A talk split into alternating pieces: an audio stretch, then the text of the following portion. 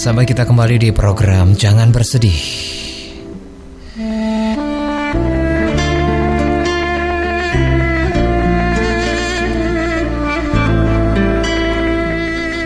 Sahabat, kebanyakan dari kita tentu menginginkan semua itu banyak.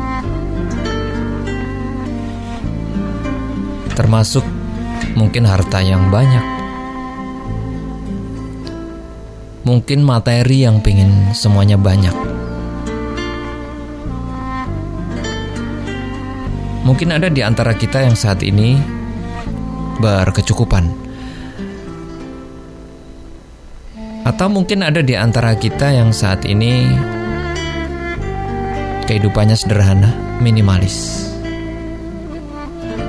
Percayalah sahabat, jangan bersedih atas sesuatu yang sedikit.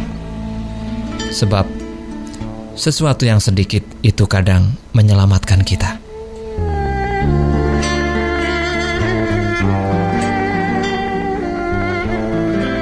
Sebenarnya sahabat, setiap kali raga kita itu menikmati kemewahan, sesuatu yang berlebih-lebihan. Sebenarnya apa yang terjadi pada ruh kita? Ruh kita sebenarnya merasa tertekan, walaupun raga kita ini merasakan kemewahan. Di luar kelihatan benar-benar menikmati, tapi sebenarnya jiwa dan roh dari orang yang selalu kemewah-mewahan adalah tertekan. Dan dalam situasi yang serba kekurangan itu, sebenarnya tersimpan keselamatan bagi diri kita. Sesuatu yang sedikit, sesuatu yang kita lakukan dengan sederhana, kehidupan yang biasa saja, yang kekurangan, sebenarnya malah menyelamatkan kita. Misalnya sahabat bersikap zuhud di dunia ini misalnya. Ternyata merupakan kesenangan yang hanya akan diberikan Allah kepada hamba-hamba yang disukainya.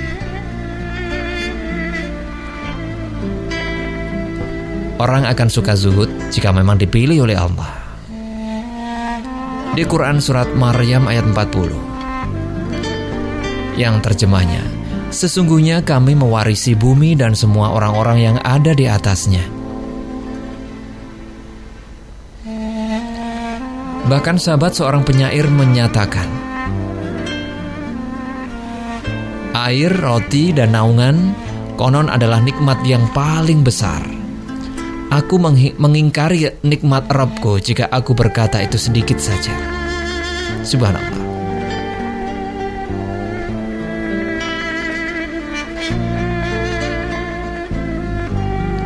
Sahabat, bukankah dunia memang tak lebih dari air dingin, roti yang hangat, dan nenaungan yang teduh?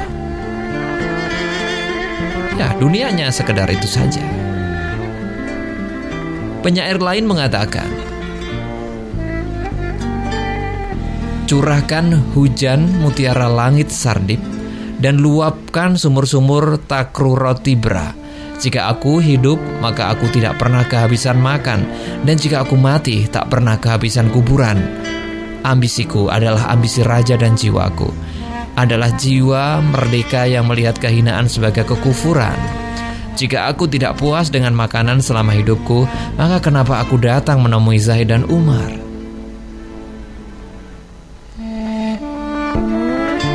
Ya, sahabat seperti itulah sikap orang-orang yang hidup dengan berpegang teguh pada prinsip, pada kejujuran dalam dakwah, dan sungguh-sungguh dalam menjalankan risalah mereka.